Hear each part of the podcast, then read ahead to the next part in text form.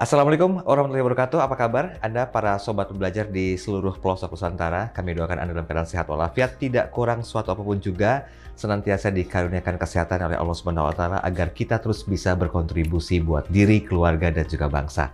Nah, termasuk yang akan saya ajak berbincang pada kesempatan kali ini, kalau kita melihat dari apa yang dilakukan oleh orang banyak, banyak orang yang melihat kesuksesan saat ini, tapi lupa dengan apa yang menjadi sebuah perjalanan sukses dari orang tersebut dari nol hingga mencapai titik puncaknya. Kita kadang mengenal istilah from zero to hero. Nah, hari ini saya sudah bersama dengan seorang hero. Beliau ini begitu sangat luar biasa humble-nya, bahkan nggak akan pernah menyangka kalau di balik sosok beliau ini menyimpan banyak sekali cerita-cerita sejarah yang bisa kita ulas di perbincangan kali ini. Saya sudah bersama dengan Pak Igi Haruman Ahsi. Assalamualaikum Pak Igi. Waalaikumsalam warahmatullahi wabarakatuh. Gimana sehat Pak Igi? Alhamdulillah. By the way, terima kasih loh waktunya udah nyediain waktu ngobrol santai hari ini ya. Sama-sama Pak. Pak, kalau saya melihat dari uh, kisahnya Bapak sebelum jadi sekarang ini, kan pernah menjadi uh, dapat gelar sarjana dari Fakultas Ekonomi UI. Kemudian juga Bapak sempat lanjut program Global uh, Leadership Executive di Finlandia ya. Ya, Kemudian juga uh, jadi ketua Pokja di bidang pasar modal Dewan Syariah Nasional MUI. Nah, dari semuanya ini kan kita harus berpikir ada satu alasan yang membuat banyak sobat belajar juga ingin tahu kenapa Bapak tertarik untuk mendalami satu hal yang beraspekkan syariah di industri keuangan termasuk pasar modal syariah dan aktif juga ya di DSN MUI ya Pak ya? Iya betul Pak. Oke, take me your journey Iya. dong Pak. Kalau tadi disebut kuliah saya di Fakultas Ekonomi UI dan Mhm. atau ITB, nah memang ketertarikan di syariah itu sejak kuliah. Saya termasuk juga aktivis yang memulai kuliah informal ekonomi Islam pada waktu itu di Oke. Fakultas Ekonomi UI. Nah lalu pada saat menulis eh, skripsi, Mm-mm. saya menulis juga tentang syariah, tentang Hmm. reksadana syariah. Mm-mm. Apa tujuannya? Kan waktu itu syariah memang belum banyak yang ngerti. Jadi kalau saya nulis tentang syariah, jadi nanti ujiannya itu bukan diuji, tapi ditanya karena yang yang menguji itu emang belum tahu kan. Jadi beneran Mm-mm. nanya, bukannya Mm-mm. menguji gitu kan. Iya, iya, iya. Tapi ternyata tetap aja ada ahlinya. Jadi Oke. tetap ada yang menguji, walaupun Mm-mm. nggak semuanya kemudian juga menguji. Nah, sama S2 pun yang saya tulis tesisnya tentang syariah juga, crowdfunding Oke. syariah. Jadi itu eh, sudah menjadi pilihan ya, Iya, iya. menjadi saya rasa-rasa juga jadi bagian dari passion saya gitu. Mm-mm. As- Alasan lain sederhana se- sebenarnya juga pada waktu itu selain supaya nggak di nggak diuji ya, nggak Mhm. diuji serius itu Mm-mm. adalah biar bisa keluar negeri gratis. Karena nulis skripsinya kebetulan saya studi banding ke Malaysia Oh, oke, oke. dan pada waktu itu ada yang tertarik untuk kemudian membantu juga, jadi saya keluar negeri bisa gratis untuk Oh. bahan nulis skripsi tadi. Mm-mm. Jadi bisa dikatakan sambil menyelam minum air gitu ya. Betul, betul. Oke, Nah, oke. nah, lalu saya juga ini ya eh, mencoba melihat apa sih kunci sukses itu Oke. di antaranya Mhm. paling nggak ada tiga hal gitu ya. Mhm. Satu ya be be be the first. Be the first. Jadi yang pertama. Jadi Mhm. pada waktu itu saya yang pertama nulis skripsi syariah. Oke. Ya, tadi bagian dari untuk bisa ini ya berhasil tadi. Iya, iya, iya. Yang kedua be the best. Mhm. Saya nggak yang paling pintar sebenarnya kan. Mhm. Di, di kampus masih banyak yang nilainya jauh lebih bagus lagi gitu. Oke, oke. Walaupun masih kumlot juga lumayan. yang terakhir be different. Nah, Oke. ini kan kombinasi be the be, be the first Be the best. Be, di- dan be different. Mhm. Jadi jadi yang pertama dan jadi yang beda. Kan waktu itu belum ada. Oke, jadi bisa dikatakan key success factor dari kehidupan seorang Pak Igi adalah be the first, be the best, and be the difference ya. Ini masih dipegang nggak filosofi Masih hidupnya dong. sampai sekarang? Masih dong. Dan Ma- itu, masih tetap saya pegang. oke, dan itu yang membawa Bapak untuk fokus di ekonomi syariah, Nah, khususnya di industri pasar modal. betul. Ceritanya gimana tuh bisa berkarir di pasar modal? Nah, pada waktu setelah lulus itu saya masuk ke salah satu perusahaan sekuritas Oke. dan saya bilang, Mhm. nah, kebetulan sebelumnya udah pernah magang, jadi udah Mhm. kenal. Saya bilang, terima saya dong. Kenapa saya harus terima? Mhm. Ntar saya bikin produk baru, Mhm. gituin. Mhm. Apa? Ya terima aja dulu, ya enggak. Iya, iya. Baru ntar saya bikinin kan gitu. Mhm.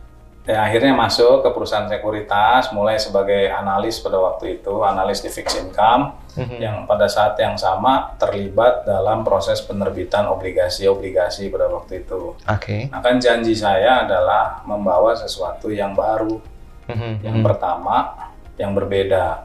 Oke. Jadi setelah masuk itu, eh, saya mulai masuk 2000, 2000 Mhm. mulai berkarir tahun 2000. Mhm. Nah, 2001 tuh mulai menjual ide untuk penerbitan obligasi syariah pada waktu itu. Mhm. Mhm. Tadi kan janji saya untuk mendeliver sesuatu yang baru, Oke. sesuatu yang pertama. Mhm. Nah, baru kejadian akhirnya di 2002. Mhm. Nah, Indosat pada waktu itu kita Mhm. menyampaikan beberapa skema alternatif penerbitan obligasi. Mhm. Nah, tempat sekuritas dulu itu memang juga terkenal dengan tadi ya inovasinya. Mhm. Memang be different juga tadi.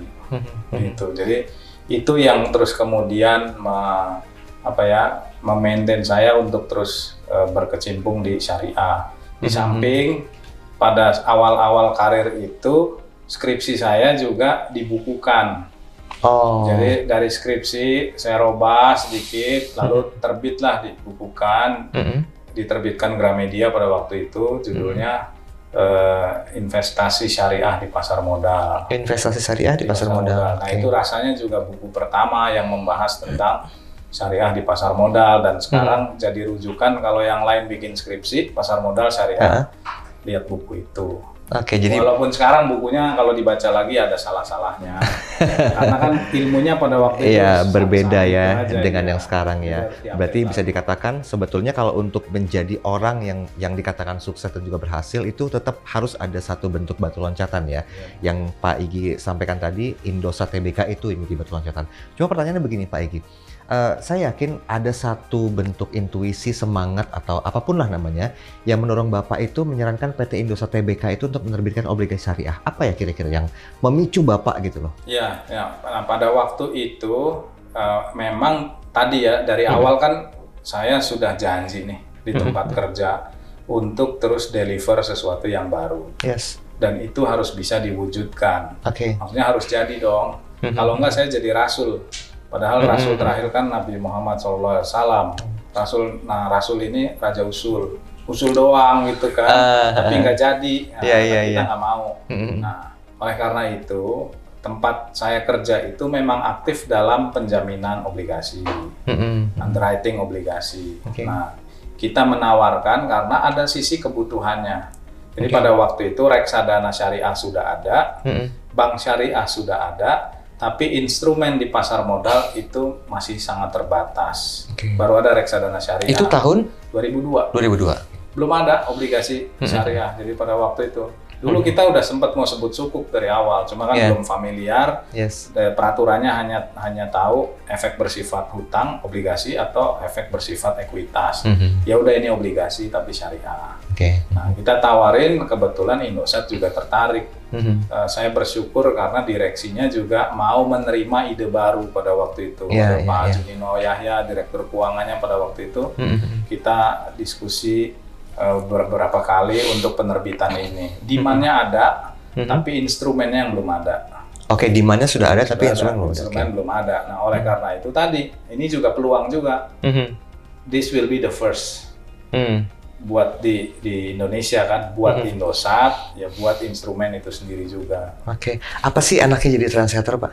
Jadi, Sebenarnya kita nggak meniatkan jadi trendsetter, kan Mhm. tadi ya, be the first sama be different, Different. itu Aha. untuk membuat orang jadi lebih notice aja, lebih Oke. ngeliat. Iya, Kalau iya. umum aja kan, ya biasa aja, ah. kan gitu. Tapi kan ketika kita create sesuatu yang baru, Iya.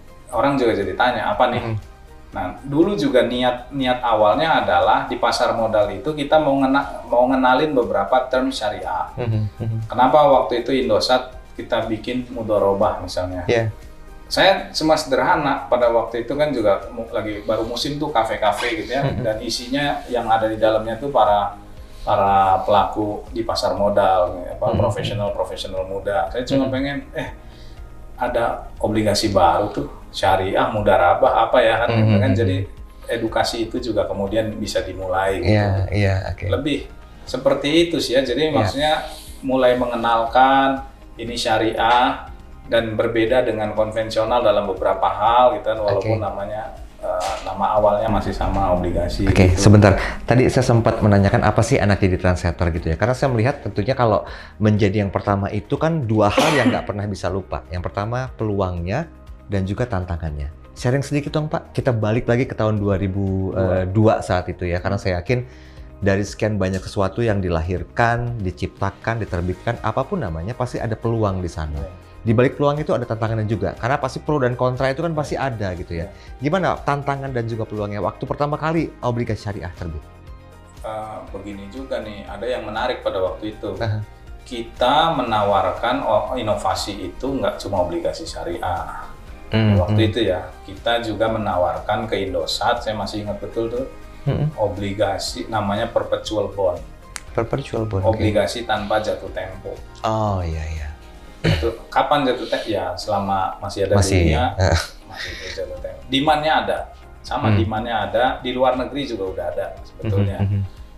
Eh, eh, life insurance tuh butuh instrumen seperti itu. Tapi lagi-lagi di Indonesia kan belum ada, Belum. rujukannya belum ada. Satu lagi adalah eh, reverse floating. Dan Mhm. pokoknya yang tadi ya, yang berbeda dan pusing-pusing. Mhm, mhm. Nah, kenapa kita buat tiga? Minim- Minimal satu inovasi di, di approve dong. Mhm, Dari mhm. tiga gitu masa tolak semua, karena barang baru semua. Nah, Iya. pada waktu itu eh, hasilnya eh, tiba PAM meloloskan obligasi syariah. Oke. Gitu. Kemudian eh, yang perpetual jadi maksimum 30 tahun pada waktu itu. Karena kan, mungkin ada batas waktu gitu lah ya, itu, iya, harusnya iya. ada jangka waktu. Yang Hmm. reverse floating nggak jadi pada waktu itu. oh Gitu. Jadi at least dua satu, ini ya. dua ini dengan satu penyesuaian. Tantangan ada, belum Nah. banyak yang ngerti apa itu mudoroba. Mhm, mhm. Ratingnya belum tahu. Iya masih PR banyak Nah, banget ya. rating gimana nih eh, obligasi syariah? Kita nggak bisa keluarin ratingnya. Mhm. kita sampai kemudian harus diskusi. Saya yang Hmm. kemudian membantu juga sharing tentang apa itu syariah, apa itu mudoroba, Hmm. apa resikonya ketika obligasi ini diterbitkan. Hmm. Belum banyak yang ngerti, kan kayak begitu. Oke. Belum juga eh, apa namanya pemahaman tentang sifat dari bagi hasil itu sendiri. Ah, Kan yang paling penting itu kita kita mau ngasih message bahwa mudorobah itu sesuatu yang fair, yang jadi Mhm. ciri khasnya syariah. mhm. Apa itu kan biasanya obligasi itu fix aja. Betul. Kalau ini kan eh, bisa naik turun, Mhm. bisa floating, tergantung dari hasil pendapatannya emiten Indosat pada waktu itu. Kalau emitennya pendapatannya lagi naik, Mhm. maka bagi hasilnya akan semakin tinggi. Mhm. Kalau turun, dia uh, juga akan uh, turun juga menyesuaikan. Mhm. The more you have, the more to distribute. Gitu kan. Kalau Oke. lebih sedikit yang didapat, sama-sama ditanggung. Mhm. Nggak semua bisa accept seperti itu. Kalau dari Mhm. sisi emiten, bayangin ini, saya masih ingat waktu itu uh, expected return-nya tuh 15,75 persen misalnya. Oke.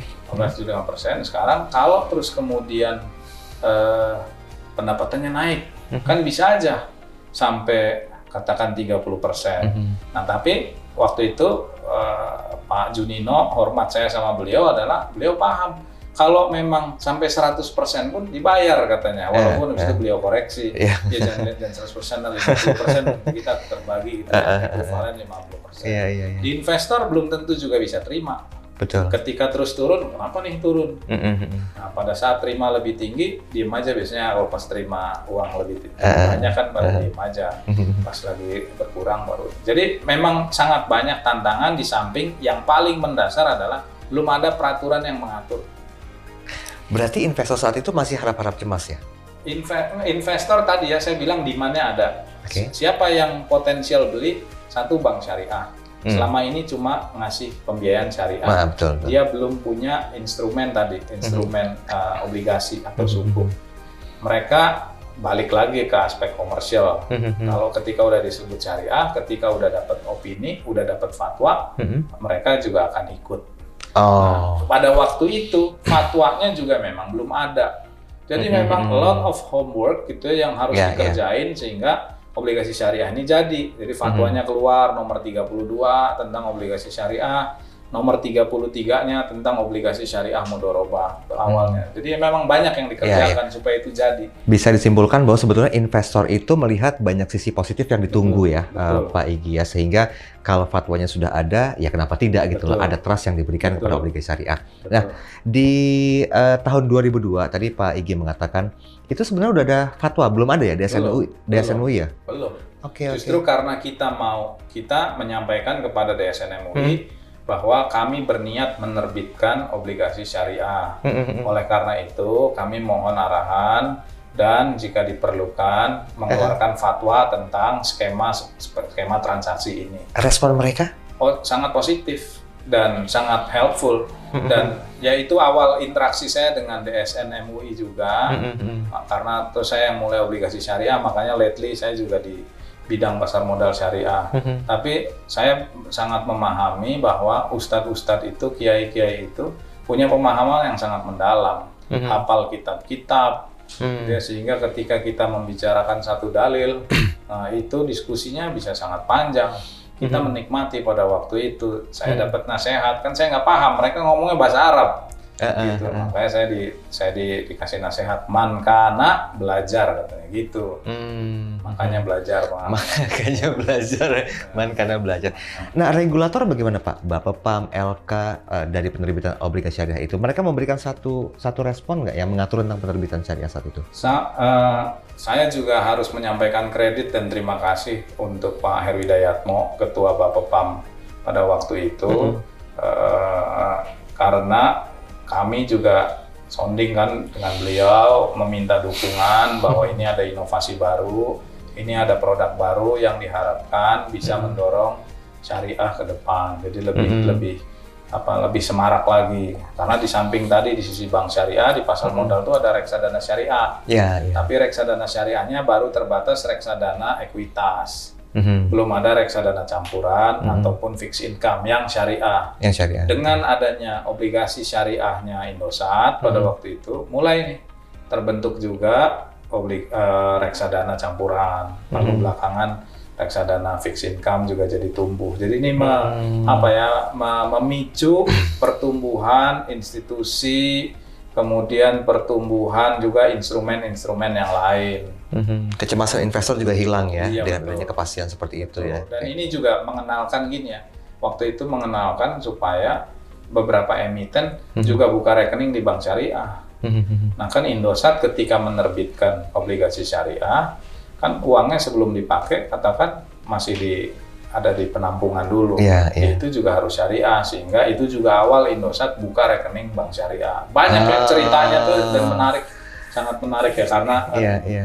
ya, saya mengalami sendiri juga. Betul. Kayaknya kita Tapi perlu nggak akan nggak akan jadi kalau nggak didukung oleh direktur keuangan yang oke, Iya, gitu kan kepala betul, betul. Bapepam yang juga suportif. Mhm. Jadi saya ngerasa sih suportif ya di di regulator pada waktu Yes. itu sangat suportif. Tadi Oke. lembaga rating yang juga membuka peluang untuk oh oke kita juga menerbitkan rating dan Mhm, bikin mhm. pembedaan baru. Oh, Jadi rating kalau biasanya rating aja misalnya Pevindo mengeluarkan waktu itu ID double A misalnya Ah. polos. Untuk syariah sekarang ada dalam kurung SY. Ah, Oke. Itu itu untuk terus bahwa ini tuh ratingnya syariah. Mhm, mhm. Ini sebenarnya kalau kita ngulas masa lalu tuh nggak Iya, bakal cukup ya, waktunya ya Pak Igi ya karena saya yakin banyak sekali cita-cita yang merupakan bagian dari eh, sejarah yang akan diwariskan kepada generasi penerus nanti. Tapi kita melihat posisi sekarang nih Pak Igi. Iya. Bapak salah satu staf khusus Wakil Presiden RI Eh, di bidang ekonomi ya, Nggak ada pembidangan sih. nggak ada pembidangan, tapi fokusnya di Ya yang Wapres pasti kayaknya saya ngerti aja. Jadi Mm-mm. tentang ekonomi syariah. Oh, lebih ke ekonomi dan juga syariah ya. Syariah. Oke, bahkan ya thanks God-nya merupakan komisaris di beberapa perusahaan. Dalam hal organisasi, Bapak ini menjabat sebagai Sekjen MES juga ya Pak ya? Katanya begitu. Katanya begitu.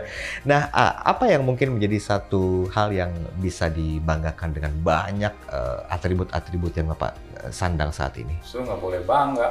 Justru nggak boleh bangga. Kan Kenapa? kan amanah semua. Mhm. Itu harus amanah semua. Jadi pada saat yang sama itu kan kewajiban-kewajiban yang harus kita deliver dari posisi-posisi tersebut. Mhm. Itu yang jelas ya kita nggak pernah minta itu kan prinsip Betul. prinsip saya juga ya maksudnya saya selalu diajarin jangan minta jabatan katanya. Oke, kalau dikasih nggak usah nolak. Kalau ya? dikasih ya dipertimbangkan. Kalau rasanya kita nggak sanggup, nggak punya kemampuan, Mhm. bisa jadi harus tolak gitu. Oke, bisa berarti- jadi ya kan. Saya mau nyinggung sisi internal kehidupannya Bapak. Sedikit saja Pak. Ngebagi waktunya gimana Pak Igi? Iya, iya. Antar karir, keluarga. Ini kan banyak hal juga yang diamanahkan yang harus diurusin gitu loh untuk kepentingan eh, bangsa dan negara ini. Iya.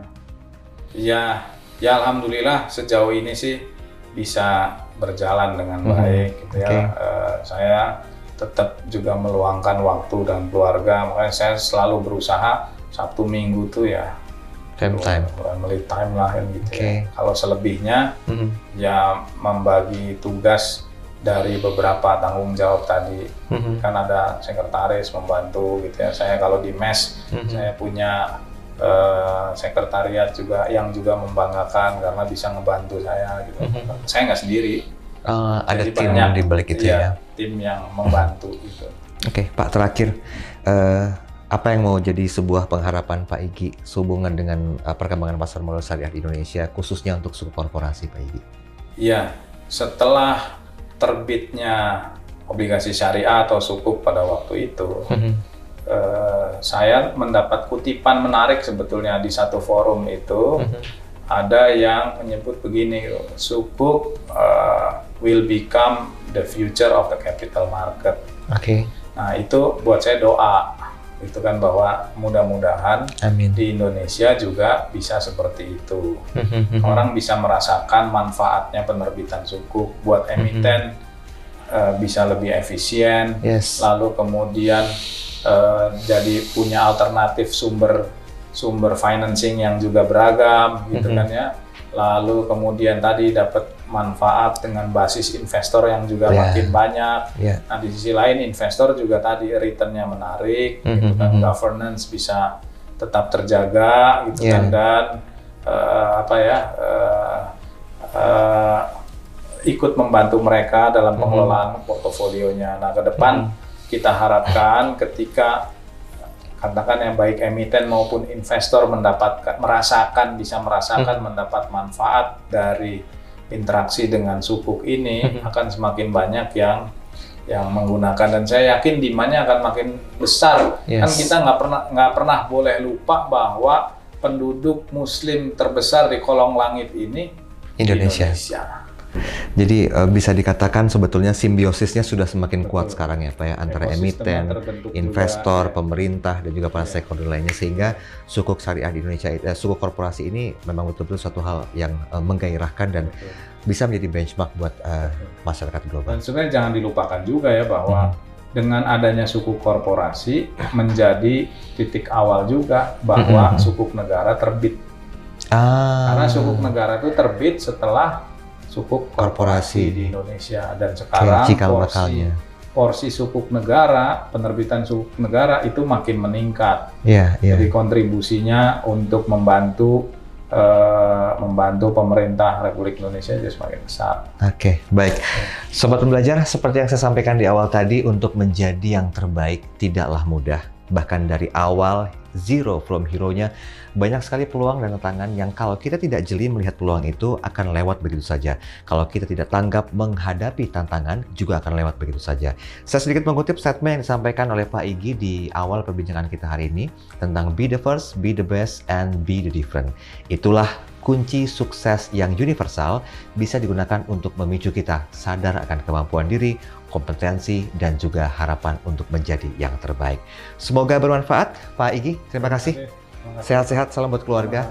Eh, semoga suku korporasi terus bisa menjadi yang terbaik Amin, buat bangsa amin. ini dan kita memang betul-betul negara yang mengaplikasikan ekonomi syariah tidak hanya di Indonesia tapi mampu menjadi kebanggaan di masa Amin. negara. Oke, sobat belajar, terima kasih sudah menyaksikan perbincangan singkat kami kali ini. Saya Daryl Adam pamit undur diri. Selamat beraktivitas. Wabillahi taufiq wal hidayah. Wassalamualaikum warahmatullahi wabarakatuh. Waalaikumsalam.